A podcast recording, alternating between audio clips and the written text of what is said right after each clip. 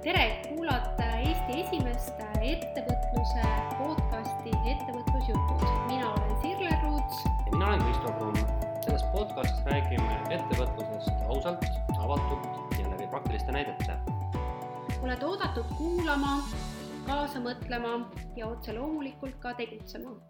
kohtume podcastis. tere taas kord Ettevõtlusjutud ja mina olen Sirle ja mina olen Kristo rõõm on taas kord äh, teile jagada siin ettevõtlusmõtteid ja jutte äh, ja tänase äh, podcasti teemaks on eneseturundus. ja kindlasti on Kristo üks väga õige inimene, kellega sellel teemal rääkida, et seega ma väga olen juba oodanud seda tänast vestlust. aga kuidas siis vahepeal on läinud? no mina sain valmis oma magistritöö ja peale seda Äh, kogesin äh, metsikut pingelangust ja väsimust, aga ma mõtlesin just, et täna jagada sellist ühte mõtet, mis, äh, mis on kindlasti seotud ka sellise eneseturundusega. täna kuulasin Äripäeva raadiot ja Jaak Roosaare ütles, et, et sellised rikkaks saamise meetodid läbi aktsiate, kinnisvara, et need on võib-olla tänasel hetkel juba minevik et äh, tulevikus inimesed saavad äh, rikkaks pigem läbi ettevõtluse. Äh, ja kui rääkida eneseturundusest, siis kindlasti ju inimene ettevõtjana on selle aluseks, et, et seega siis võiks isegi täna mõelda, et kuidas siis läbi sellise ettevõtluse ja eneseturunduse saada rikkaks. aga kuidas sulle, Kristo? jaa, no ma mainisin ju ennem ka või eelnevates saadetes, et ma käisin, plaanisin minna Saksamaale, ma käisingi ära, käisin ühes sellises huvitavas äh, linnakeses nagu Nordhausen, mis on Rakvere suurune võib-olla. ja noh, Eesti mastaabis võiks mõelda, et see on nagu Keila, noh, ütleme, võrdleme nagu siis suuremate linnadega. seal asub üks ülikool, mis tegelikult on üsna noor, kakskümmend viis aastat ja nemad on kakskümmend neli aastat korraldanud sellist rahvusvahelist nädalat, kuhu nad kutsuvad siis oma partnerülikoolidest äh, õppejõudusid nädalaks ajaks, lugema erinevaid loenguid, mina äh, ei olnud seda varem käinud, aga noh, ma saan neid email'e ja siis ma talvel otsustasin, et ma lähen, saatsin neile kaks äh, teemapakkumist, üks oli startup nagu äri loomine ja teine oligi see inim, inimbränd või isikuturundus ja nad valisid selle teise teema. ja ma siis pidasin seal neli äh,, ei, viis päeva loenguid, iga päev neli-viis tundi. Ja siis ma äh, seadsin tudengitele sellise ülesande, et nad pidid siis lõpuks vormistama või looma õigemini äh, väljamõeldud isikule nagu sellise imidži. koos kodulehe, koos Facebooki, koos Instagrami, koos tegevuste, koos kõikide asjadega. sealt siis tekkis üks, äh, üks muusik, siis oli üks fotograaf, siis oli üks poliitik ja, ja keegi oli veel vist näitleja või ühesõnaga pidid siis välja mõtlema sellise nii-öelda fake, fake tüübi. Ja, aga mina äh, sellistel puhkudel tavaliselt, et noh, me inimbrändist räägime kohe ka, et, et mina alati, nagu ma vist mainisin, et, et käin tihti nüüd välismaal vaadates, et kuidas siis elu on seal ja ma olin elus, elus esimest korda Ida-Saksamaal. ma olen lugematu arvu kordi Saksamaal käinud kõikjal, aga ainult lääne pool, ida pool esimest korda see linnake asus üsna ligidal ja siis vana nii-öelda ida-lääne Saksa piirile. ja ma vaatasin, kuidas elu siis välja näeb seal no mis sa arvad, Sirle, kuidas näeb praegu Ida-Saksa elu välja? Mul pole ausalt öeldes aimu. mis sa arvad, kas nad elavad meist paremini, halvemini, samamoodi äh,? ma miskipärast arvan, et äh, kui me võtame Tallinna keskset elu, et siis äh, suht sama äkki, aga kui muud Eestit, et siis võib-olla paremini või jah, ma tegelikult äh, alguses tegin selle vea, et ma hakkasin võrdlema Tallinnaga seda elu, aga see oli vale mõõde, siis ma natukese taandasin või läksin nagu, mõtlesin, et noh, et, et see linn Eesti kontekst, nagu ma ütlesin, et umbes nagu Keila. Siis äh, mul oli esimestel päevadel niisugune nagu kerge niisugune üllatus, et äh, kõik see tänavapilt ja inimesed tundusid hästi kummalised. mõtlesin, miks see niimoodi on. aga ma ei olnud tajunud ära, et see on Ida-Saksamaa. ja, ja siis äh, kokkuvõttes, mis võin öelda, hästi huvitav on vaadata erinevat ühiskonna ülesehituse mudelit et äh, neil on niimoodi, et äh, noh, siis läänes, noh, kui toimus see liitumine, eks ole, siis Lääne-Saksamaa panustas sinna väga palju raha. Noh, ta ei andnud inimestele pappi niisama, inimesed pidid ikka ise oma käe peal hakkama saama, aga siis nagu see ühiskondlik ruum, et see on nagu hästi vinge eh,. noh, transport, eks ole, kõik tänavavõrgustik, ütleme, see infrastruktuur on väga korralik, rongid viimase peal kõik, noh, linn, linna lähirongid on nagu meil täpselt, aga noh, kiirrongid on muidugi hullumaja tohutult hoolitsetakse vanurite eest, sotsiaalhoolekanne on mega. kujutate ette, kui näiteks ütleme, Tallinna kesklinnas, vanalinnas oleks maja, mis on ehitatud vanuritele, vot seal niimoodi oli, eks ole. et, ähm, et see pilt, mis nagu on ühiskondlikult, on äh, palju parem kui meil. aga inimesed näevad välja nagu Nõukogude inimesed mm., oma välimuselt, oma riietuselt, oma olekult. Äh, kõige kangem pood oli Lidl selles linnas, kangemat poodi ei olnud. ehk et kui meil on see, et, et meil inimesed elavad uhketes majades, sõidavad uhkete autodega, käivad hästi riides, eh, siis neil on vastupidi, et riik on jõukam kui inimesed. meil on nagu vastupidi natukene. Eh, aga, aga eh, kui Chopat ei olnud kuskil, siis ma sain siis oma nende grupitööde käigus teada, et näiteks jällegi võrreldes Eesti noortega on nad palju reisinud, need noored. normaalne on käia Ameerikas, Jaapanis, Aasias meil ütleme, keskmine Eesti pere käib kuskil seal lõuna pool, seal soojemates riikides maksimaalselt ära või Soome-Rootsi. Et neil nagu see maailmanägemus on natuke suurem, aga isiksusena nad on hästi kinnised, hästi kinnised, räägivad ainult siis, kui sa pöördud nende poole, nad ei ole mingid diskuteerijad ja jah, see majanduslik pool, et, et ma ütleks jah, et, et, et nad ütleme noh, jälle see Keilaga võrreldes nii-öelda siis, siis ma arvan, et, et, ütleme, inimesed võib-olla elavad isegi tera kehvemini, võib-olla ma pakun välja, aga, aga linna üldpilt on parem kui meil hmm,. väga põnev igal juhul mm. -hmm. jah hmm aga äh, ühesõnaga, sa andsid nädal aega loenguid sellisel põneval teemal nagu isikubränd või kuidas sa seda nimetad, et äh, siin on hästi palju erinevaid nimetusi, persoonibränd, isikubränd, eneseturundus. tegelikult juhtus veel niisugune lugu, et ma ei tea, kas me kuidagi tõlkes läks kaduma midagi, aga kui ma siis kohale jõudsin, ma avastasin, et või noh, tegelikult ma valmistasin ette, siis ma avastasin, et pagan, et see teema nagu see topic, see ei ole päris õige. See koha peal kõlas niimoodi, et see oli siis basics of personal marketing. aga seda võib tõlgendada nagu mitmeti, eks ole, tegelikult ta nagu, ma ei tea, mida need tudengid nagu ootasid. mina kasutan, kui mina lõin selle koolituse aastaid tagasi, siis mina võtsin kasutusele nii-öelda oma nime, see on inimene kui bränd. mulle meeldib see ma olen vist ainukene, kes kasutab Eestis seda nime, teised kasutavad jah, persoonibränd, isikuturundus, äh, noh, ja siis ütleme iseenda turundus või midagi taolist. Äh, inglise keeles on, äh, on kasutusel mõisted human brand, siis on olemas, ütleme, personal branding, vast need on nagu kõige levinumad. et ütleme nagu personal marketing ei kõla õigesti. pigem on see personal branding, sest me räägime nagu brändi loomisest, mitte lihtsalt nagu, nagu turundamisest selles mõttes, nii et personal brand või siis niisugune jah, niisugune human brand on nagu pigem, et kõik need allikad, mida ma ja raamatud, mis ma lugenud olen, need noh, need, kui sa otsid, siis sa tavaliselt leiad sellise nime alt, eks ole mm. -hmm. ehk siis turundus, äh, niimoodi isikuturundus või äh, või noh, nagu sul see nimetus seal oli, et see pigem on see tulemus. jah, jah, jah, just, see on hilisem tegevus. jah, just mm. -hmm et seega siis äh,, kuidas me täna räägime, kas me räägime siis äh, isikuturundusest näiteks või siis, või siis ütleme iseendale brändi loomisest mm, -hmm. kõige õigem oleks mm -hmm. iseendale brändi loomine, jah mm, -hmm. just. Aga võtamegi siis alguses äh, vast fookusesse selle, et äh, kuidas äh, meie inimesena saame olla brändid ja kas üldse on mõtet sellel, sest kindlasti kuulavad meid nii introvertsed kui ekstravertsed mhm. inimesed, et võib-olla ekstravertsed ütlevad, et oh, väga äge, muidugi ma tahan, introvertne ütleb, et mis asja, ma ei taha mingi bränd olla. et, ähm, et, et hakkame siis sealt sellest äh, brändi loomisest vast pihta.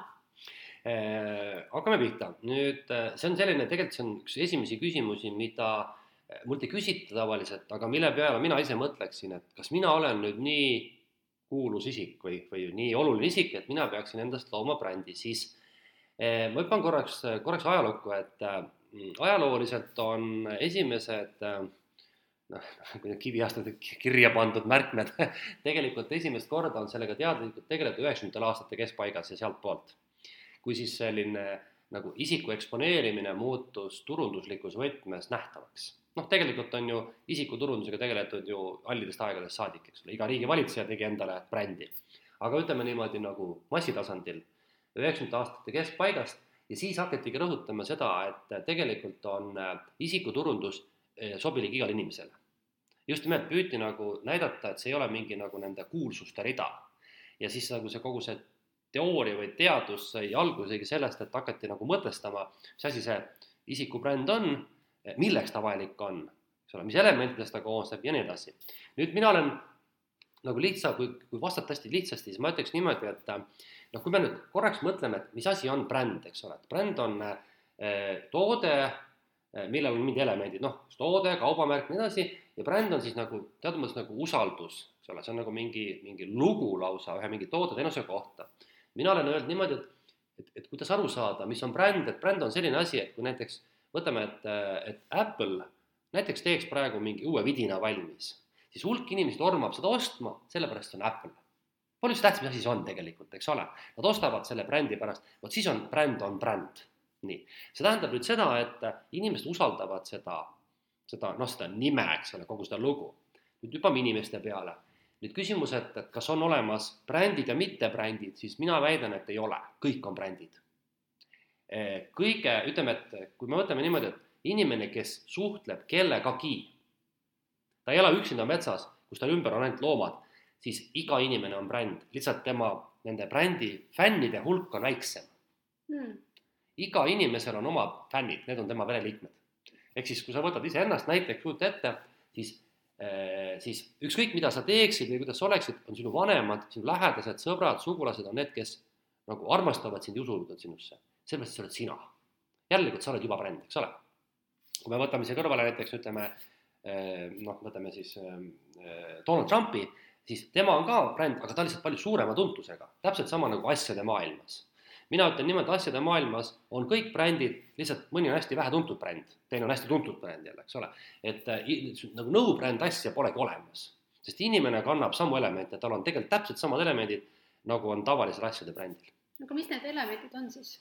elemendid hakkavad meie sellest füüsilisest poolest pihta, alates sellest, milline sa välja näed, mis su nimi on hmm.. nii nagu asjal, näe, sul on laua peal siin Apple'i telefon, sa tunned ta ilmeksimalt ära, mina tunnen sind ilmeksimalt ära ja kui ma su nime tean, siis mul lööb ju silme ette mingi kuvand, ahah, vot sellest hakkabki pihta mm. -hmm. ehk siis äh, võiks võtta maha nagu selle küsimuse või stressi, et noh, et kas ma üldse peaksin äh, mõtlema, et kas ma tegelen isiku brändiga kujundamisega või mitte, et kas ma peaksin hakkama sellega tegelema, et tegelikult äh, see on meil olemas. ja me tegeleme ka sellega mm. -hmm. ja kui sa vaatad praegu Facebooki vaataks, siis kõik need inimesed, kes on sinu või minu tuttavad, tegelikult ju brändivad ennast seal mm. -hmm. ainult, et enamus teeb seda juhuslikult. et kui ma nüüd tahaks küsida, et mis on see sinu lugu või mis on see sinu kuvand või millest element sinu bränd koosneb, siis enamus inimesi ei oska sellele vastata. Nad ei ole sellele kunagi mõelnud, aga nad tegelikult tegelevad sellega. mina nimetan alateadlikult. kas see tähendab siis seda, et äh et juhul, kui siis äh, näiteks meie kuulajad ka siin hakkavad mõtlema, et äh, okei okay,, Kristo ütleb, et äh, ma igal juhul olen bränd, siis et mis on minu, minu need elemendid, et siis ongi see, et ma sisuliselt hakkan oma tugevusi üles loetlema, et kas ma saan õigesti aru? põhimõtteliselt küll jah, et me võiksime rääkida sellest ka kohe, et mismoodi seda üldse teha, aga tegelikult peaks hüppama kõige esimesse punkti et noh, mõtleme nüüd niimoodi, et, et kuulajate hulgas on erineva elulaadiga inimesi. ja tegelikult tekib üks kõige tähtsam küsimus üldse, et okei okay,, me kõik noh, ütleme, et kui ma väidan, et me oleme brändid, ütleme, et noh, ma loodan, et enamus saavad aru sellest, mõistavad. siis ja, ja meil on mingisugused tegevused ka, mida me teeme, et noh, me käime kuidagi riides, eks ole, meil on mingisugune elulaad, meil on mingid tegevused, me, me kogu aeg brändime ennast alateadlikult aga nüüd tekib kõige tähtsam küsimus, kas ma pean üldse või miks ma peaksin sellega teadlikult tegelema, et see on nagu kõige tähtsam küsimus üldse. ja sellest hakkab igasugune brändi selline see isikuturunduse niisugune või selle isikubrändi loomise nii-öelda see kontseptsioon pihta, iga autor, iga tegelane, igasugune firma, kes sellist teenust pakub, muuseas, firmasid on juba aastakümneid maailmas, kes pakuvadki personaalbrändingu teenust. et, et nemad hakkavad sellest pihta, et milleks see vajalik on no ja vot, see on esimene küsimus. kas sa oskaksid öelda näiteks, milleks sul oleks vaja tegeleda teadlikumalt, kui seni sa oled teinud iseendale niisuguse kuvandi, brändi loomisega? no äh, see on hästi hea küsimus, sest ma olen viimasel ajal mõelnud sellele ja me oleme sinuga rääkinud mm -hmm. ka siin, et äh, et kas, äh, kas peaks või ei peaks, siis mina olen ikkagi jõudnud selleni, et kui ma tahan ettevõtjana eristuda, et siis see kindlasti äh, isikuteenuste turul, noh, ma ju pakun ka isikuteenuseid, siis see on paratamatu, sellepärast ma olen seda kogenud, et ma ei ole seda te teinud väga teadlikult, võib-olla noh, mingite hoogudega, et kui kirjutab blogi, siis sa mõnes mõttes ju tegeled sellega. aga näiteks kui võtta kirjastamisäri, raamatuid, siis siis näiteks seal on isikubränd väga oluline, sellepärast et sa lähed poodi Äh, ja vaatad, et millist raamatut osta, mul oli just siin äh, üleeile kogemus, äh, oli selline, ma läksin raamatupoodi ja seal oli siis mingi soodustus oli ja mõtlesin, et noh, premeerin ennast peale sellist teadusartiklite läbitöötamist mõne väga hea raamatuga. ja seal oli väga palju erinevaid siis autoreid ja, ja ma ostsin siis Õnnepalu raamatu, sellepärast et minu jaoks on tema kirjanike noh, sel-, seas siis väga tugev selline jah, bränd või ja ma teadsin, et ma isegi, kuigi ma ei tea seda raamatut, et aga kui ma loen seda, siis see on kindlasti sügav ja hea, on ju. ehk siis äh, ehk siis äh, jah, et kui tulles sinu küsimuse juurde tagasi äh,, siis ma arvan, et äh, jah, ma peaksin seda tegema teadlikumalt selleks, et toetada oma ettevõtluse eesmärkide saavutamist ja tegelikult nii ongi, et äh, see sinu vastus ei ole kunagi vale. ehk siis ongi see, et see ongi sinu soov mm. -hmm. mina olen, mm, kui nüüd inimene jääks hätta sellise puhul, siis mina olen öelnud, aga küsime mõned küsimused, näiteks esimene küsimus, et kas sinu töös on vajalik, et sinu nimi on tuntud, esimene küsimus. ja näiteks järgmine küsimus, et kas sul on vaja enda valdkonnas ennast müüa või näiteks, et kas äh, ütleme, sul on, sa tahad saada paremat töökohta, kas sa tunnetad, et, et kui sa oleks tuntum, on see kasuks sinu näiteks äh, parema töökoha saamisele, on ju. Vot sellised küsimused, neid küsimusi on, võib küsida paari, neid võib küsida palju rohkem, aga, aga sealt peab tekkima see küsimus, et miks.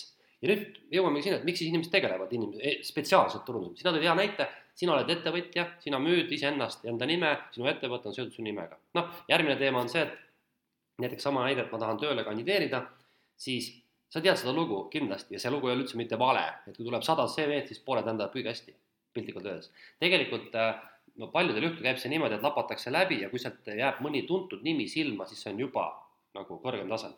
või kõige lõpuks on see, et kui sul on nagu võrdsed inimesed laua peal, siis guugeldamine aitab ja sa näed, kelle kohta sa leiad rohkem infot, kes sulle tundub nagu profim olevat või sümpaatsem siis see saavutab nii-öelda edu, eks ole. siis näiteks äh, võtame sellised erialad nagu muusikud, sportlased, poliitikud, näitlejad. Nemad ongi ju isikud, ega me teame, et me käime kinos vaatamas näitlejaid, on ju niimoodi, me läheme kontserdile kuulama muusikut, isegi mitte niivõrd muusikat tihtipeale. Et äh, need on erialad, kus sa peadki ainult oma nimele toetuma, see oleks järgmine küsimus, et näiteks, et, et mõtle, kas sinu erialal on sinu nimele toetumine äriline nagu kõige tähtsam eeldus, eks ole. siis äh, inimesed äh, teevad ennast kuulsaks sellepärast, et jube lihtne on enda nimega midagi müüa. noh, influencer'id ja need Youtube erid teevad seda. või siis teistpidi, et kui sa oled piisavalt tuntud, siis firmad kasutavad sind reklaami näona jälle ära, on ju niimoodi. No mõni inimene teeb lihtsalt ennast kuulsaks, sest lihtsalt see ongi tema ainuke eesmärk, no see võib olla. tegelikult võiks öelda niimoodi, taas jälle sinna välja, et kui inimene on üldiselt tööalaselt aktiivne või ettevõtluselt või äriliselt aktiivne siis noh, ütleme, et, et neid kordi, kus tema nimi ei peaks olema tuntud, on suhteliselt vähe. võib-olla ütleme, et kui sa oled noh, ütleme, et sa ei taha olla silmapaistev ja sa töötad mingis väga suures kollektiivis ja, ja sa oled rahul oma positsiooniga, võib-olla siis tõesti ei ole sul vaja nii teadlikult sellega tegeleda, oletame.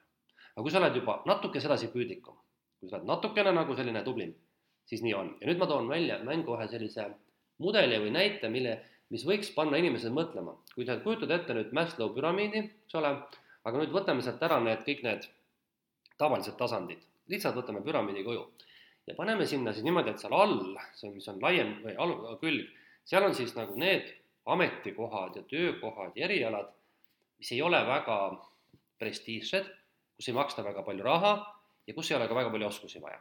ja siis need tipus, seal on siis vastupidi kõik, eks ole seal on äh, hästi kõrged ootused, hästi kõrged nõudmised, aga hästi kõrge nii-öelda tasu ja prestiiž.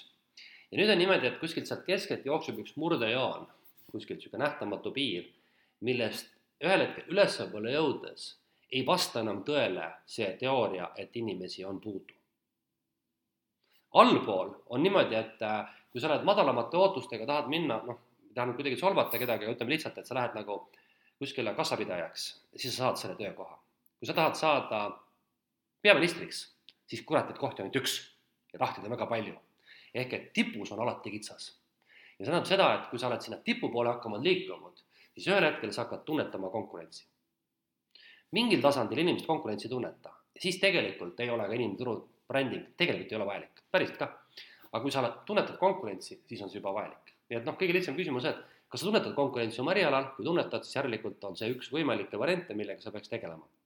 ja no me nüüd varsti räägime ka sellest, et mis see inimbränd siis kasu toob, see on ka Mhm. omaette küsimus mm. -hmm.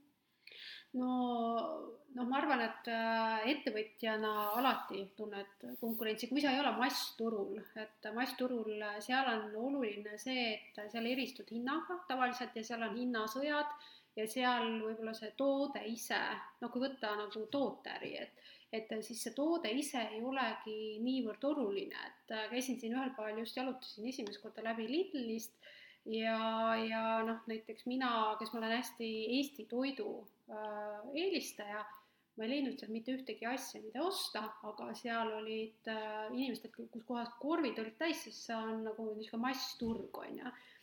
et ähm,, et seega siis äh, äh, noh, on oluline jah, et kui sa ettevõtjana ei ole massturul, minu arust noh, sellest järeldades siis alati pigem toob see äh, kasu, kui sellele persooni või isikubrändile siis äh, toetuda. nojah, ja vaata, teine variant on veel, kui on tohutu suur nõudlus, vaata, kui sa ei peagi nagu ennast müüma, vaid kõik ostetakse ära. nüüd no tegelikult selleks, et üldse mõista, mikspärast see inim, inimbränd või see isikuturundus on oluline, mikspärast, et mis siis juhtub, kui sa hakkad sealt nüüd sealt üles ronima, et kuidas see nagu töötab et sellele teemani jõudmiseks ma hüppan korraks jälle tagasi, kuidas minuni üldse need, see teema jõudis, et mul on hästi mitu lugu rääkida alati. aga ma täna räägin selle loo, mis mind pani üldse mõtlema selle isikuturunduse peale, see lugu oli umbes sihuke, mingil X hetkel, noh, tegelikult juba üsna mitmeid-mitmeid-mitmeid aastaid tagasi, ma hakkasin teadlikult tähele panema huvitavat asja, noh, seda me kõik tajume, kui sa lähed näiteks äh, sinnasamma supermarketisse, lähed ajakirjandusletti, seal on ju noh, palju meil on, üks kolmkümmend ajakirja kindlasti on oled sa nõus, et kui sa võtaks kõik aasta lõikes, siis nendel kaanetel on ikka ühed samad näod? nii -hmm. kui sa kuulaksid raadiost mingisuguseid saateid, vaatad telekas saateid, küsitakse kommentaare, intervjuusid, on ikka samad näod. nõus. nüüd tekib mul küsimus, mul tekkis küsimus. ütleme, et on mingi inimene, kes kommenteerib mingit teemat, ütleme majanduse teemat. mul tekkis küsimus, kas ta on kõige targem või? Nendest kõikidest teistest inimestest. ma hakkasin mõtlema, et ma ei usu kui me võtame spordi näiteks, ma käisin kunagi vaatamas spetsiaalselt äh, Tallinnas äh, Inglismaa jalgpallimatši, kus mängis David Beckham. mind ei huvitanud üldse ükski muu mängija, mind huvitas see David Beckham. mis kuradi tüüp ta on, kas ta mängib paremini teised? ei mängi mm. -mm. teisi on veel paremaid olemas. kui meil on mingi inimene, kes poliitikas võtab sõna, kas ta on kõige targem? kindlasti mitte. nüüd tekib küsimus, et kuidas see võimalik on siis? et, et ühte ja sama tüüpi muudkui küsitakse, aga aga, aga ta ei ole tegelikult kõige parem. ja sealt hakkas mul siis nagu see huvi tekkima. nii, ja milles see tõdemus nüüd on? tõdemus on selles, et ta lihtsalt on kõige tuntum. ja tead, mis tekib, üks, tekib üks psühholoogiline efekt, mis siis, mis siis inimbrändiga tekib. kui sina oled inimene, näiteks ütleme, sina, Sirle, oled inimene, kelle käest kogu aeg küsitakse nõu, siis sa hakkad tunduma targana ja see omakorda tähendab, et sinult hakatakse üha rohkem küsima nõu. hakkab tekkima iseeneslik nii-öelda selline tuntuse kasv. inimestele tundub, et keegi, kes on tuntud, on targem kui teised. ja see on nii alateadlik, et ka ajakirjanik tihtipeale võib mõelda niimoodi, et oota, küsime Sirli käest, et ta on tark inimene. ta on tark sellepärast, et tuntud on, mida targem oleks.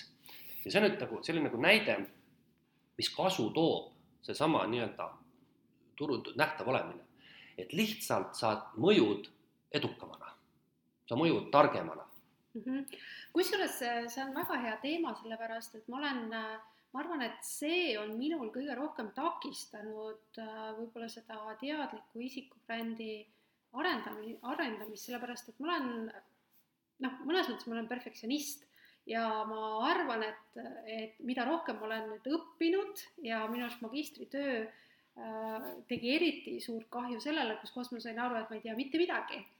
Ja, ja siis ja siis ma olen isegi mõelnud mingeid artikleid kirjutada ja siis ma mõtlen, aga ma ju noh, minust on ju palju rohkem targemaid inimesi ja kui äh, ka koolitustel äh, on minu käest küsitud isikubrändi kohta, et ma ei ole küll sellel teemal koolitanud, sest ma noh, ei ole spetsialist äh,, noh jällegi, ma ei ole spetsialist selles valdkonnas. sa arvad, et jah, ma arvan, et just. ma ei ole äh,, siis, siis tegelikkuses minul näiteks on jäänud selle taha et ma arvan, et ma ei ole kõige targem, aga on nagu teised inimesed, kes, äh, kes nagu seda arvamust, äh, noh, nad lihtsalt arvavad midagi, nad jagavad seda, et, et ma, ma arvan ise, et enda kogemusest tulenevalt, et väga paljudel jääb see selle taha, et nad arvavad, arvavadki, et nad ei ole kõige targemad. jaa, eh, ma nüüd kommenteerin natuke, et siin on niisugune lugu, et ma hüppan korraks edasi, ütlen niimoodi, et päris muidugi udupump ei saa ka olla mm, -hmm. eks ole, ei saa, sa pead ikka midagi teadma. aga nüüd hüpates tagasi, siis mina ta-, tabasin sellesama, ühesõnaga, minul on ka sama mure olnud kogu aeg. mina mõtlen niimoodi, kes see mina niisugune olen, et teised tulevad raha eest mind kuulama, eks ole ju. ma kogu aeg mõtlen samamoodi, et ma ei ole, mina ei ole perfektsionist äh, selle võib-olla kõige karmimas mõttes, aga ma tahan ka parim või parimat või paremat, eks ole. nüüd aga mina sain sellest aru, et, et any publicity is good publicity kui ma olin poliitikas. Ma vaatasin, et jumala suvalist juttu ajavad jumala suvalised inimesed ja nii enesekindlalt ja nii targa näoga räägivad, mõtled, et oota, sedasama juttu võiks ju mina ka rääkida, päris palju targemat juttu. aga selle kohta öeldakse, et aga mis sa siis passid, räägi siis. ja tegelikult, äh, kui ma nüüd päris ausalt ütlen, siis äh,, siis mina olen, noh, ma ei ole tippteadlane, ma annan endale aru, et ma ei ole tippteadlane, kuigi ma olen akadeemilises maailmas olnud üle kolmekümne aasta et, et noh, minu miinus ongi see, et, et noh, mind ei võeta nagu teadlasena, sest ma ei ole nagu, mul ei ole doktorikraadi, ma ei ole sügavuti ühegi teemasse läinud. ja kui me räägime nüüd nagu tipptasemel, siis ma kindlasti ütleksin, et, et siis ma paneks suu kinni. aga kui me räägime nagu kesktasandil, tead, Sille, ma võin öelda ja kuulajatele ka, ma julgen arvata, et neid teemasid, millest ma arvan, et ma ei oska rääkida, on väga vähe. sellel tasandil, mida tavakuulaja vajab teadmist, pole mingi probleem. see tõesti ei ole probleem ja ma julgen, julgen arvata seda sellepärast, et kui ma kuulan, loen ja vaatan, siis, siis need jutud ei ole sellised jutud, millest ma midagi aru ei saaks. vastupidi, ma võib-olla räägiks isegi veel, veel, veel targemat juttu. aga küsimus on ikka selles julguses tõepoolest. ja noh, ega tegelikult äh, üks inimbrändi äh, põhiaspekt on see, et sa pead ikkagi endale niši valima, sa ei saa olla kõigest kõike rääkida, sest see lihtsalt ei ole äh, nagu aktsepteeritav selline lähenemine nii et noh, ütleme, et isegi kui sa tead mingist asjast palju, aga see ei ole sinu valdkond, siis eh, noh, sa võid ju arvata, aga sa tead, selles valdkonnas sa ei, võib-olla ei saa või ei pürgi sinna tipu poole.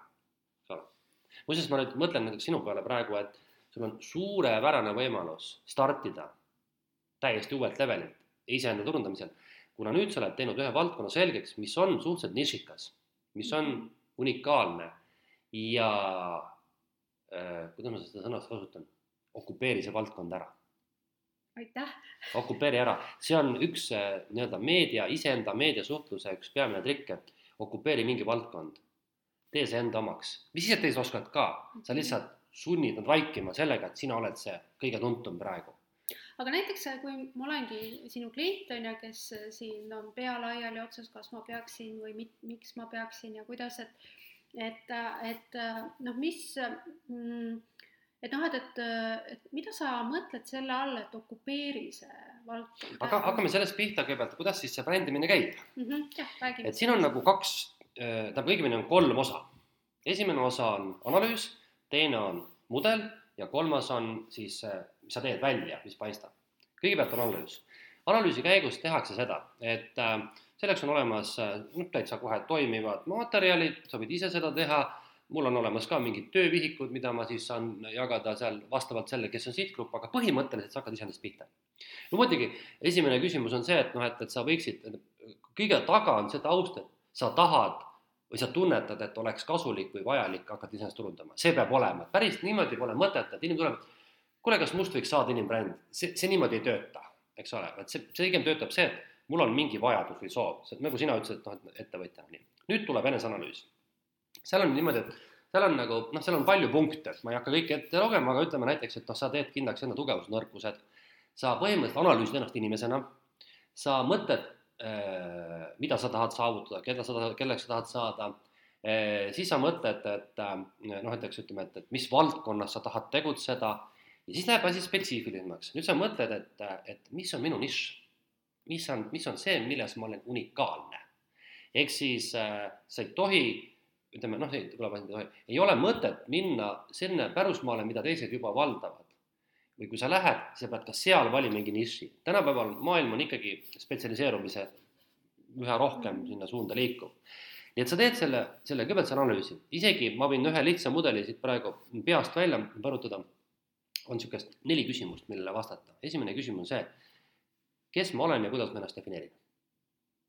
Näiteks mina olen, mina olen koolitaja ja õpetaja, õigemini ma isegi ütleks niimoodi, et lihtsalt ma olen õpetaja.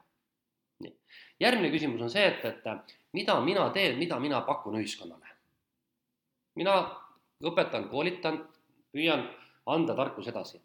kolmas on see, et, et mis on sinu nagu unikaalsus milles sina oled nii hea omas valdkonnas, noh näiteks ütleme, et seal ma ei tea, koolita näiteks, ütleme, sina valdad vot ühte mingit meetodi väga võimsalt. kellelgi on näiteks, keegi on hästi karismaatiline, kuidagi nagu hästi mõjutada inimest, eks ole, keegi on võib-olla jälle niisugune noh, ma ei tea, valdab mingit teist-kolmandat kunsti, eks ole ju. nii, ja viimane neljas küsimus on see, et mida, mida sinu kliendid sinu teadmisest, sellest oskusest võidavad.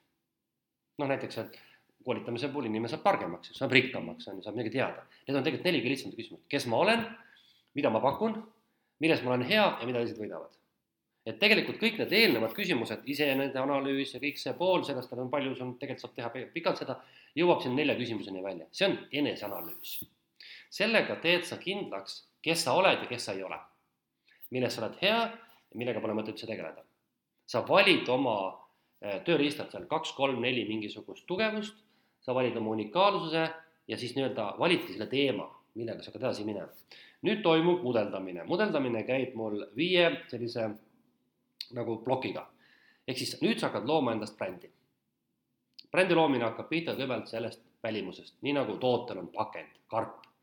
sinu, ütleme, kui ma vaatan sulle peale, siis ahah, sul on nimi selline, sa näed selline välja, sul on selline soeng, eks ole, sa käid siin niimoodi riides. kui sa mõtled inimeste peale, siis näiteks välised aksessuaarid, detailid loevad tohutult ja miks ta loeb?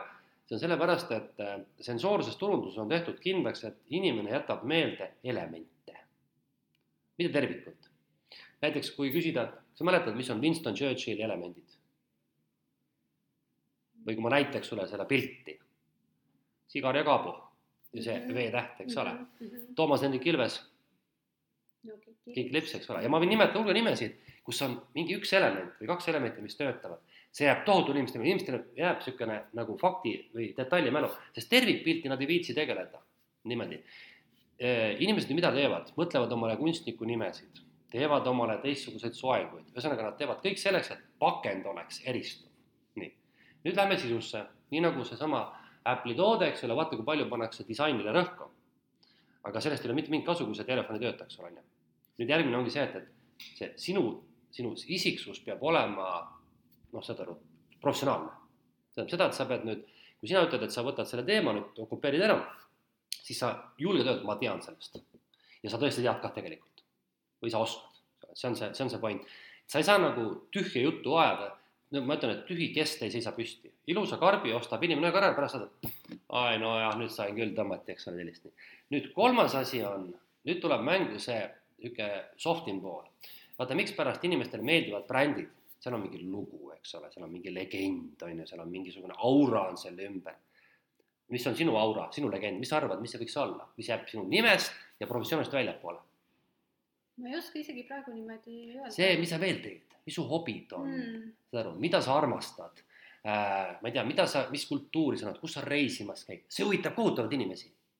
see käib väga palju inimbrändi kaasas, sest et äh, kui nüüd mõtled korraks, pane kõrvuti ülikoolis paksude prillidega selline labori niisugune hunt, kes on nelja selle Nobeli preemia laureaat, aga väljas kunagi ei käi. ja siis pane sinna kõrvale niisugune lahe, šikk, sihuke noh, ütleme niisugune noortepärane, niisugune mõnus vend, kellel ei ole Nobeli preemiat. kumb on ägedam kuju?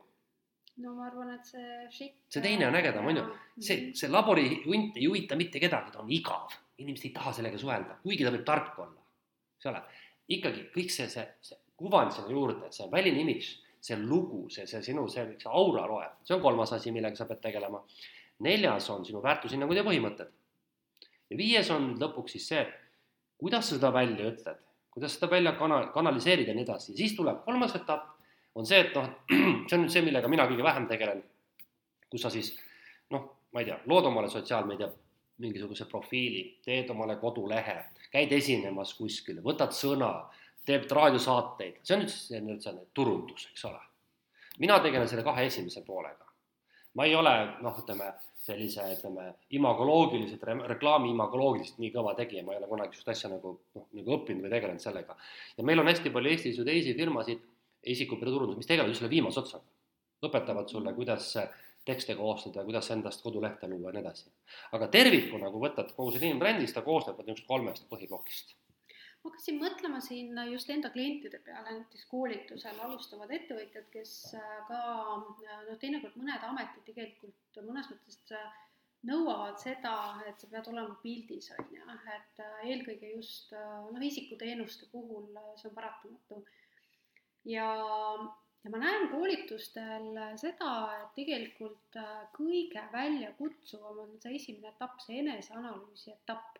et kui ma hakkasin mõtlema sinu jutuga kaasa, et kui ma, kuidas ma iseennast siis äh, kirjeldan või analüüsin, et siis ähm, noh, mul see mõte hakkas hästi laiali valguma, et, et kuidagi noh, mis siis, mis ma siis olen või, või kuidas, kuidas ma siis ennast kirjeldan, kuigi noh, ma pean ennast suhteliselt heaks eneseanalüüsijaks.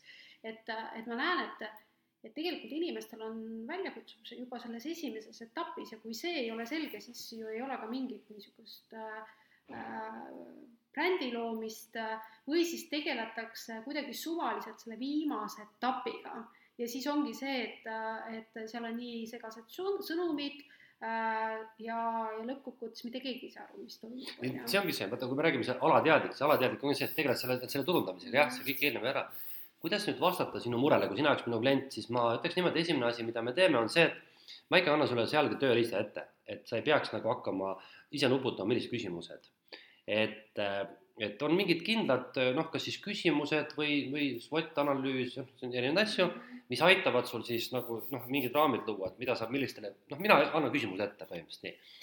nüüd äh, sellega saab nagu inimene hakkama, aga probleem tekib hoopis selles, et ole objektiivne enda suhtes. no ta ei ole ju, seal on nagu kaks äärmust, sina oled perfektsionist, sina näed endas ainult tõenäoliselt negatiivset asja no ma olen suht-, ma olen negatiivselt. kriitiline. jaa, ma olen kriitiline, et see. ma olen alati öelnud, et et, et inimene on liiga kriitiline suhtes -hmm. ta ei näe neid tugevusi. või teine äärmus on see, et, et inimene ei taha enda kohta kriitikat tunnistada. kuidas ütled, ma olen paks, loll, lohakas, räpane inimene. no sa ei ütle kunagi niimoodi, eks ole, kuigi tegelikult no võib-olla isegi oled natukene, eks ole, nii et ongi kaks probleemi, seega sellise, mina olen teinud enda SWOT analüüsi, see võttis kolm päeva aega. sellepärast, et, et sa pead seda tegema mitu korda mm. julgema olema aus enda suhtes, isegi tooma kui sa teed, noh, parem tee üksinda kodus, too välja ka need kõige varjatumad probleemid, mis võivad hakata mõju avaldama, eks ole, näiteks sul on mingi sõltuvus või sul on mingi, ma ei tea, näiteks sa ei tunne kella, jääd hiljaks, eks see on niisugune vastik tunne, aga sa tead, et selle taga on kurat sada asja on ju niimoodi, eks ole. või sa oled, ma ei tea, niisugune nori ja niisugune pedantne või noh, või, või siis vastupidi, et sa nagu vast-, noh, lased kõike üle jala jälle, vaat noh, kõik niisugused asjad et, et aga, aga selles mõttes on õigus jah, et see esimene ots jääb nagu puudulikuks, aga seda saab teha, ütleme, et kui sa ei pea nagu minema nii oma sügavatesse hingesoppidesse, noh siis ikkagi niisuguse mõningate niisuguste küsimustega saab seda teha, ehk siis äh, noh, vaata, ma toon niisuguse näite, et, et ettevõtluses mul on selline, või meeskonnatöös mul on selline, kunagi niisugune, tegin niisuguse nagu koolituse, niisugune tööriist on nagu tiimi tervisekontroll. niisugune kohe niisugune põhjalik analüüs siis sellega ongi niimoodi, et seda tegelikult ei tehtagi üldse mitte koha peal. et see peaks olema selline, et, et ettevõte saab selle tööriista, ta teeb selle ise läbi mingi aja jooksul ja siis pärast hiljem saadakse uuesti kokku koolitajaga ja siis hakatakse vaatama, mis välja mõnus. sama on selle isiku, selle teemaga, et, et ma ei eelda üldiselt, et inimene peaks selle küsimustiku siin nüüd minu silme all tegema, sest see on üsna intiimne tegevus mõneti ja nõuab mõtlemist ka mm. -hmm aga mm, mis sa arvad, et, et sul on noh, väga suur kogemus selle, selle isiku turundusega või isiku brändimisega, et et noh, inimesed on ju kannatamatud, et kui ma vaatan ettevõtjate puhul ja ma ise, ise täpselt samamoodi, olen see, et, et kes saab tulemusi hästi kiiresti saada, et ma olen lihtsalt selle, kui võtta diski järgi, et ma olen selline nii ekstravert kui introvert, et mul on nagu kaks poolt et, et kui palju üldse aega võtab ja kindlasti ja noh, mitte kindlasti, aga, aga kas see vajab ka mingit investeeringut rahaliselt, et et näiteks kui meie kuulajad siin mõtlevad, et jah, et, et Kristo räägib täiesti normaalset nagu selles mõttes juttu, et jah, et, et et kui ma juba olen, on ju, bränd, et siis ma võiksin ju seda kuidagi kasuks äh, Äh, muuta, aga kaua see aega võtab ja kas see vajab ka raha mm? -hmm. tegelikult on niimoodi, et enne kui räägime ajast, murrame mõned müüdid, see annab mm -hmm. nüüd mhm. ettekujutuse sellest ajast ka. Eh, on mõned müüdid, mida inimesed arvavad. Esimene, noh, ma ei pane nüüd, nüüd tähtsuse juures, vaid nii nagu meel tuleb, et üks müüt on selline, et inimesed arvavad, et, et kui ma teen kõiki samamoodi nagu edukad inimesed, siis mulle tuleb sellega edu ei tule, sellepärast et äh, juba ammu on see müüt ümber lükatud, et kui sa tahad edukas olla, siis ära teisi edukaid kopeeri üks-ühele. vaid unikaalsuse teistmoodi eristumine on, on kõige olulisem ja mõnes valdkonnas ka vältimatu, poliitikas sa pead olema teistsugune.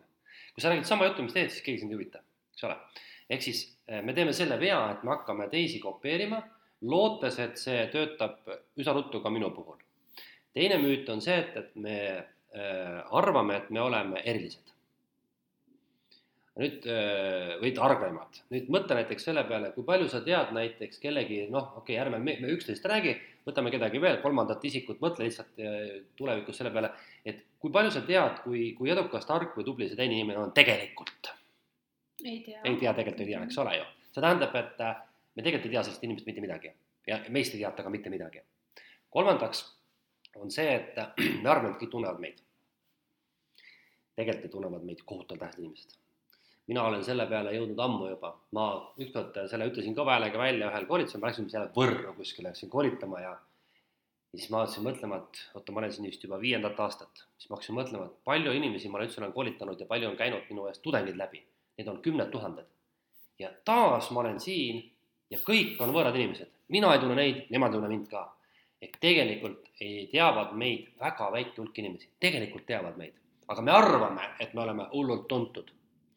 ja e, kolmas asi või see, see järgmine, veel üks müüt on see, et me arvame, et kui me teeme natukene siin Facebookis, Instagramis turundust, me olemegi kohe kuulsad ja tuntud. tegelikult e, vot kõik needsamad müüdid, e, kui nüüd nagu teistpidi vaadata, tähendab seda, et me peame hakkama tegema tööd selle kallal, et ennast tuntuks teha, et oma eripära välja tuua, et teised inimesed tõesti teaksid, kes me sellised oleme, me peame hakkama valima enda eri, eri, erilisust ja see tegelikult võtabki aega. nii et noh, ma ütlen ajalises mõttes see võib võtta aasta kuni kaks, et äh, ütleme, täiesti nagu, ma ei ütle täiesti tühjast kohast, aga ütleme siiski, et mingisugusest positsioonist ennast üles kasvatada, poolteist kuni kaks aastat. minul võttis aega äh, ütleme nii, et mitte tuntuse, vaid kuvandi nagu, kuidas ma nimetan siis, kinnistamine võttis aega üle pooleteise aasta. ma mõõtsin seda muuseas väga hästi, väga lihtne mõõdik oli. ma nimelt äh, sain väga mitmetel mm, mitmete tuttavatega, keda ma olen ammu näinud, kokku ja nad peegeldasid mulle tagasi, kes ma olen, läbi selle, mis nad on näinud. ja see läks sada protsenti kokku sellega, mis ma tahtsin, et must teaksid. ehk siis see näitas, et, et noh, see on nagu kinnistamine, eks ole. nüüd tuntust kui sellist mul on raske olnud mõõta, sest see nõuab juba raha. aga ütleme nii, et, et jah, see, see kinnistamine, oma brändi kinnistamine võtab aega. nüüd on järgmine küsimus, mis maksab. siis tegelikult noh, minimaalselt ta maksab ju ainult noh, kui me räägime otsest rahalist kulu kui sa tahad teha midagi, äh, reklaami, ütleme siis näiteks meedias või sotsiaalmeedias või Google'is, see on nagu otsene rahaline kulu.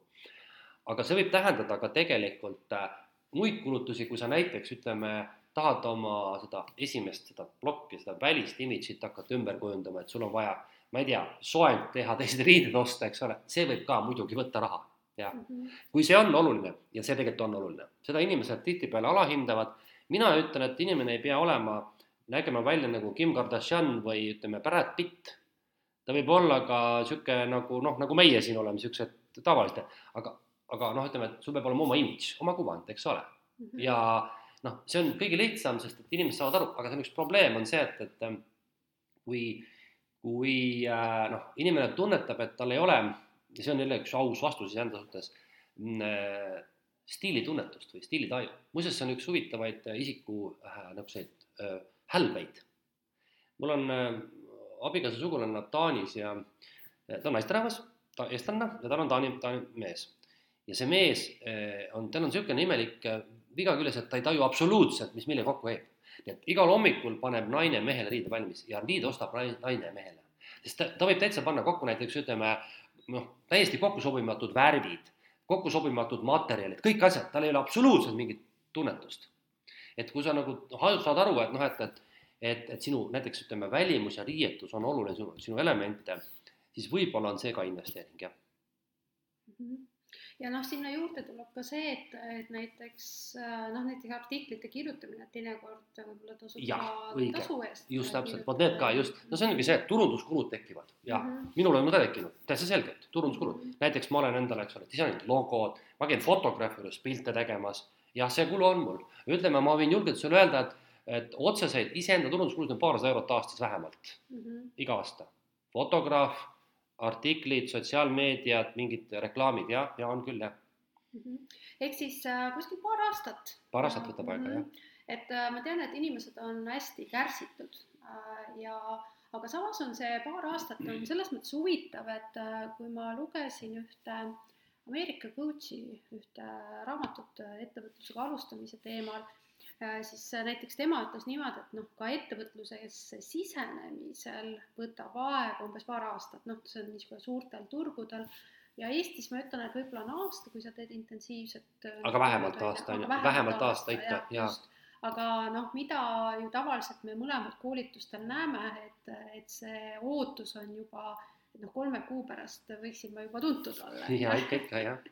ja finantsvabadus võiks olla ja. saabunud, on ju mm. -hmm äh,. igal juhul väga põnev, noh, ma ise siin äh, mõtlen sinuga kaasa ja et ma ei ole tegelikult niimoodi mõelnud äh, niimoodi strateegiliselt, et, et see minu äh, isikuturundus äh, on olnud pigem selline äh, toote läbi, ehk siis ma olen alati mõelnud, et ma teen mingeid asju selleks, et mingit toodet müüa, aga ma ei ole tegelikult mitte kunagi mõelnud äh, seda, et ma peaksin iseennast müüma ja teiseks mul on äh, olnud selline mõte, mis on võib-olla ka meie kuulajatel, on see, et et äh, jah, et kui sa näiteks praegu ütled, ma olen su klient, et, äh, et nii, et noh, Sirle, sa pead nüüd hakkama seda isikubrändi looma, siis minul tuleb kohe see, et issand, ma ei taha sinna Instagrami oma isiklikku elu.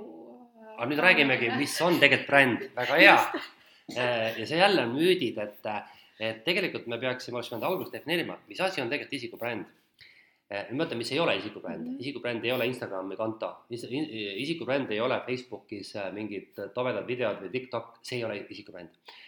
isikubrändi defineeritakse kui suhet inimeste vahel. ehk siis see on see, et, et, äh, et kuidas, näed, mina usaldan sind. nüüd ma pean korra jälle hüppama sellesse, et saada aru, mis on isikubränd, sellesse, et äh, on, seda ma soovitan lugeda, see raamat on inglise keeles täitsa leitav ka PDF-ina, Human Brand, niisugune raamat mitte Karl Malone, aga issand, ma ei mäleta, kes selle autor, Malone on perekonnanimi igal juhul.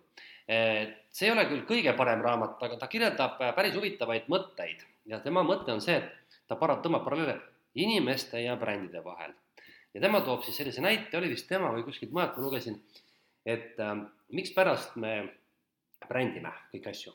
miks me brändime asju ja inimesi ja see lugu läheb tagasi nüüd niimoodi, et noh, kujutame nüüd ette, et, et meie kuulajad on keskajal sina oled nüüd keskaegne pere, pereproua, kes läheb hommikul Tallinna vanalinnas linna peale ostusid tegema. kõigepealt sa lähed saia ostma, kelle juurde sa lähed? ma ei tea. no arvesta, Lidlit ei ole keskajal. no kus sa ostad saia? no ma arvan, et ma ostan mingi pagari. pagari käest, õige. pagar, kellel on mingi nimi. siis on vaja liha, kus sa liha ostad?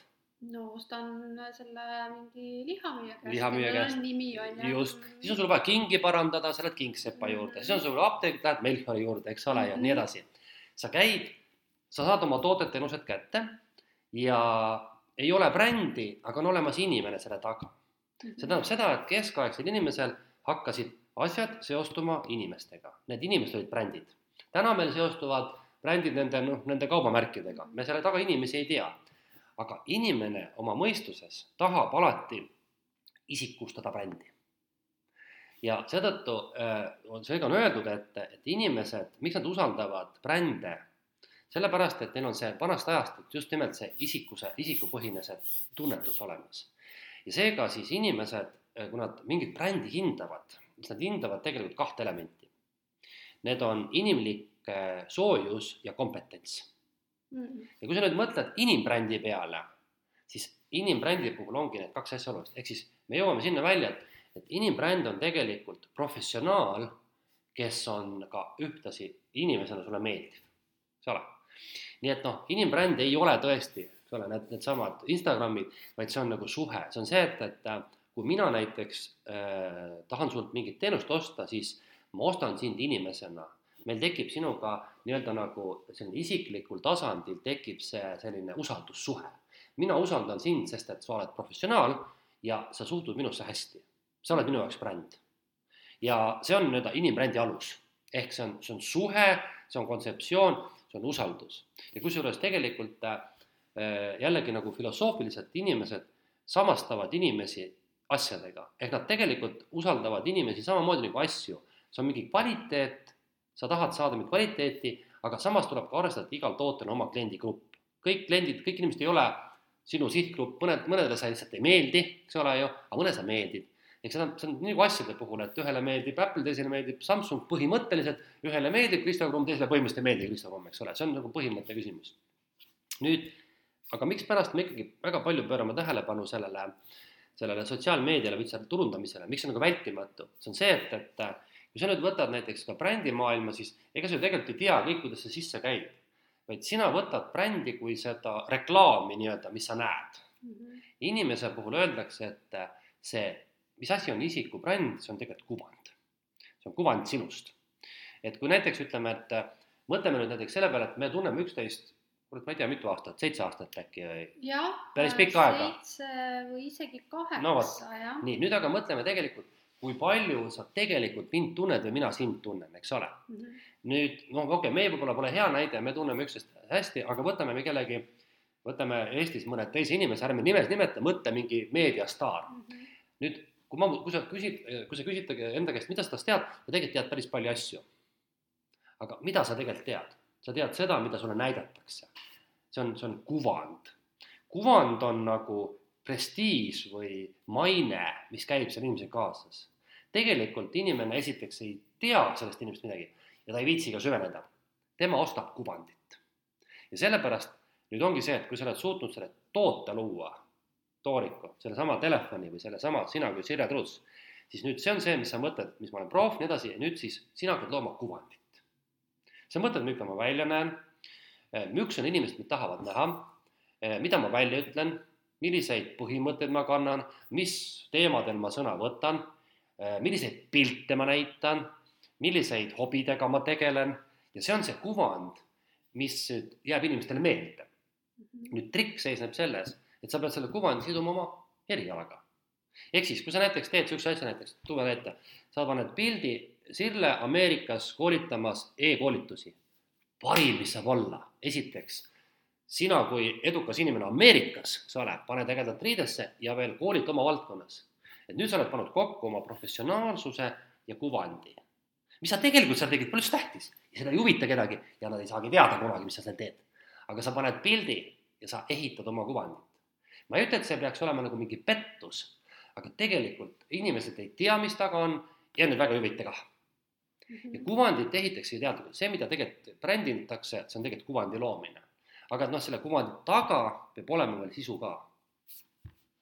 Jah, hästi huvitav, et ma siin äh, hakkasin ise mõtlema, et äh, paarile teemale, et üks on see, et et ma olen tegelikult seda kuvandi asja mõelnud äh, üks nagu isiklikus elus, aga üks siis, kui ma viisin läbi magistritöö neid intervjuusid äh, e-koolituste teemal, siis päris mitmed osalejad nendes intervjuudes ütlesid niimoodi, et nad teevad e-koolituse valiku lähtuvalt sellest, millise meediumi on see koolitaja läbi sotsiaalmeedia endale noh, loonud. milline, milline, milline on tema kuvand, on ju.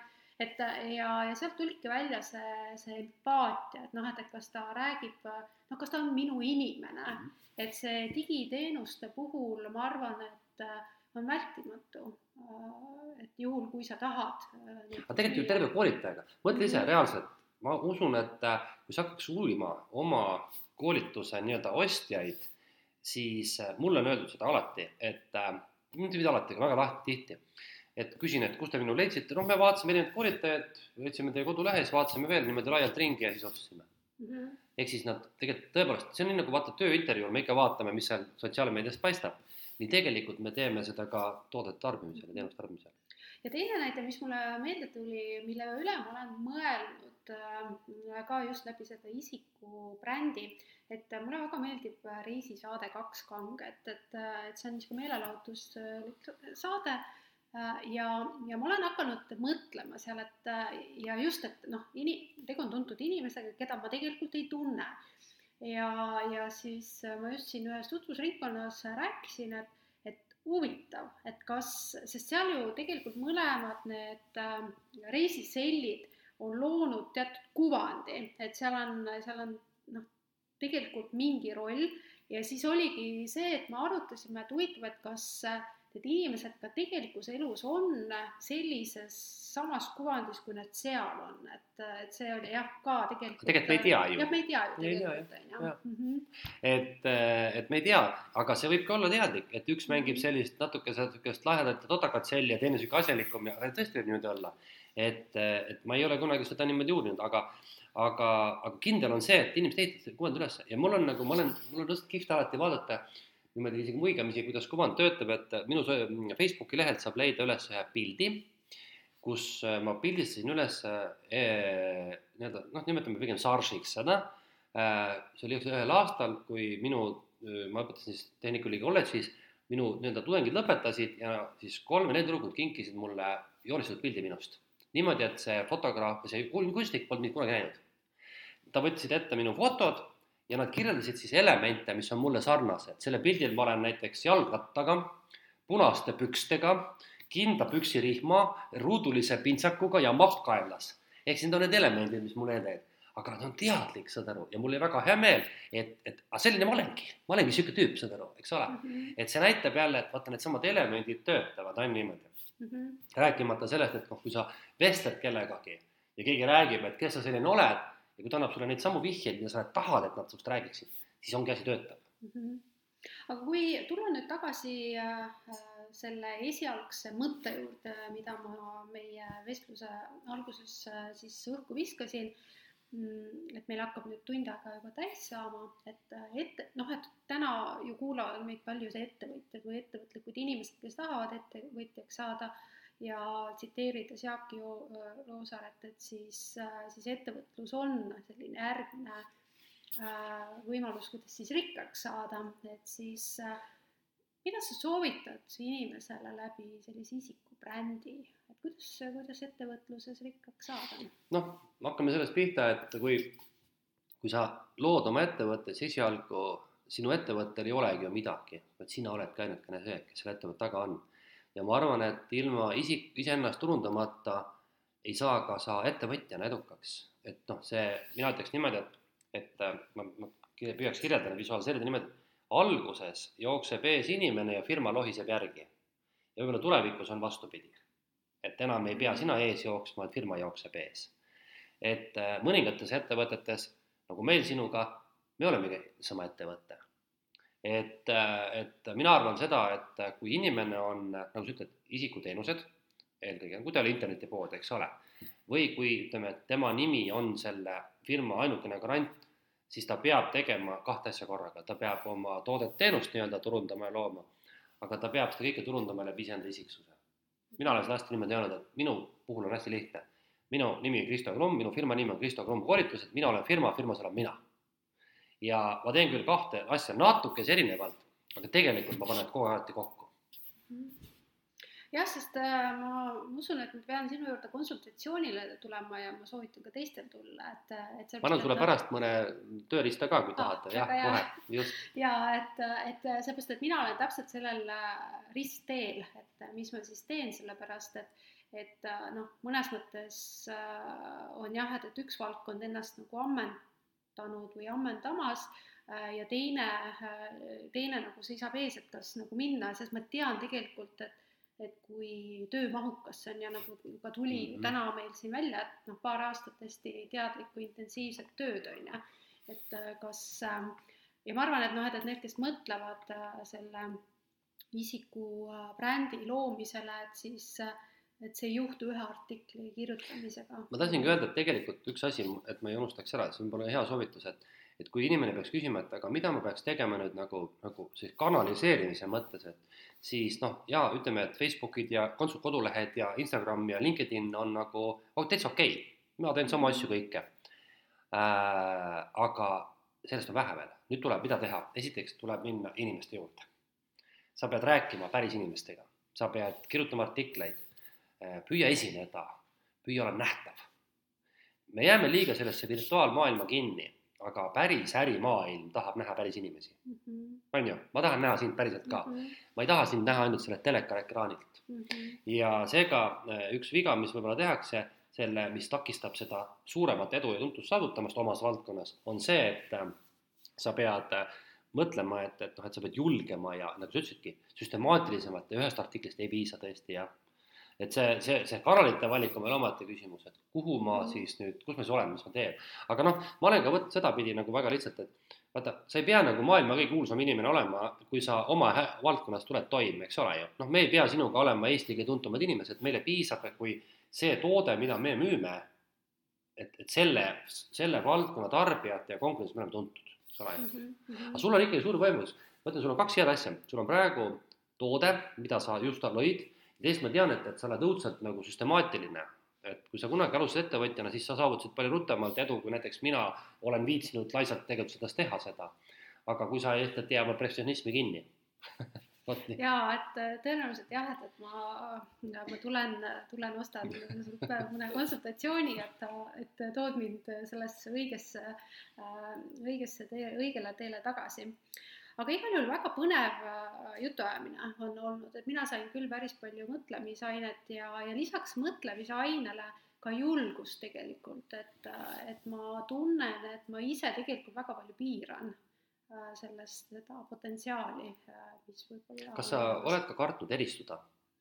ei, seda ma ei ole. ole kartnud, seda muret ei ole, see on nüüd muuseas väga suur mure inimestel mm., nad kardavad eristuda, vaata mm., eks ole ju mm. -hmm. sest ma mäletan ühte lugu, äh, see on väga hea näide sellest eristumisest, siis kui ma äh, tulin ettevõtluse valdkonda sisse ja ettevõtluskoolitajana, siis äh, siis ma kirjutasin Postimehes, ma arvan, Ärilehes ühe artikli, väga kriitilise artikli EAS-i teemadel, kus kohas siis ma kritiseerisin, ma ei mäleta, kas oli ettevõtlusega alustamise toetus või ma ei mäleta enam, see on kuskil kümme aastat tagasi, aga äh, see läks ühele töötajale seal, kes vist äh, sama valdkonna eest vastutas, väga hinge, sest aastaid hiljem äh, kaubandus-tööstuskojas oli üks koolitus. Ja ma läksin sinna koolitusele ja siis see inimene tuli mu juurde, ütles, et, et kuidas sa niimoodi ikka ütlesid. ehk siis sellest ühest artiklist, sellest väga eristuvast artiklist, et ma ütlesin, et see on noh, sisuliselt ma ütlesin, et see on jama, mis nad teevad. ja ma julgesin seda eri, noh, eristades nagu öelda, on ju. aga see ongi eristumine, et sa julged, julged öelda, mina kartsin tükk aega seda, aga nüüd ma enam ei karda mm. -hmm. ma tean, et, et see ei meeldi üldse kõikidele. ma tean, et, et see ehmatab inimesi, ma tean, et see on nagu vahest tekitab nagu okei okay., aga tead, ma olen, ma lõpetaks oma tänase mõtte sellega, et mida ma just nimelt ka selle isikubrändiga olen õppinud, et ja seda ma kasutan alati isikuturunduse koolitustel. kui ma alustan oma koolitust, see võib olla lühiseminar, noh, tavaliselt ütleme niisugune motivatsiooni või selline üritus, siis ma ütlen niimoodi, et et inimestele, et, et kõik, kes siin saalis praegu olete, et teile ei pruugi meeldida see jutt, mis ma räägin ja mitmedki võivad teil minna ära siit niimoodi rusikas taskus, mõelda, et ei raisk, see Krumm rääkis möga. aga ma ütlen alati, et aga vaadake, see ongi kõige parem. kui te, kui ma teen sellise viisakalt korrektse koolituse, te lähete minema ja kehitate õlgu, midagi ei meelde jäänud. aga kui meelde jääb ka see, et kurat, ma ei ole temaga nõus, siis on see parim, ehk siis any publicity is good publicity väga hea ja ma arvan, et see on hea äh, siis äh, mõte ja soovitus ka tänase teema kokkuvõtmiseks. Kuna teema on hästi oluline ja huvitav, et siis äh, need, kes kuulavad, et mul tekkis korra selline mõte, et kui nüüd see osa läheb meil siis laivi, et siis, siis ma teen ka Instagrami lehel, enda lehel siis väikese sellise küsitluse Äh, selle teema äh, sisu osas ja, ja võib-olla isegi, kui tekib selline jätkuteema siit, et sest see teema on hästi oluline, et võib-olla siis me võtame veel mõnes, mõnes podcast'is selle, selle siis üles. jaa, ja muuseas, ma annan veel ühe, ma annan kaks soovitust. kõik te teate James Bondi, vaadake James Bondi filme, see on välja mõeldud parim tegelane, keda saab maailmas olla. ja on veel üks hea film, ma ei tea, kas sa oled selle näinud, filmi nimi on Simone. Al Pacino mängib peaosas mm,? ei ole vist. ma annan ainult vihje, vaata mm.. see on äh, ka, see on parim isikuturunduse nii-öelda, nii-öelda kontseptsioonifilm mm.. no suurepärane, et filmisoovitused ka siia lõppu ja seega siis äh, head isikubrändi teemadel mõtisklemist ja ja ma loodan, et kui selle tunniajase vestluse käigus siin sünnib paar sellist äh, uut brändi isikubränd, et siis äh, on meie missioon ka täidetud. jah, olge julged. ja olge julged ja uute juttudeni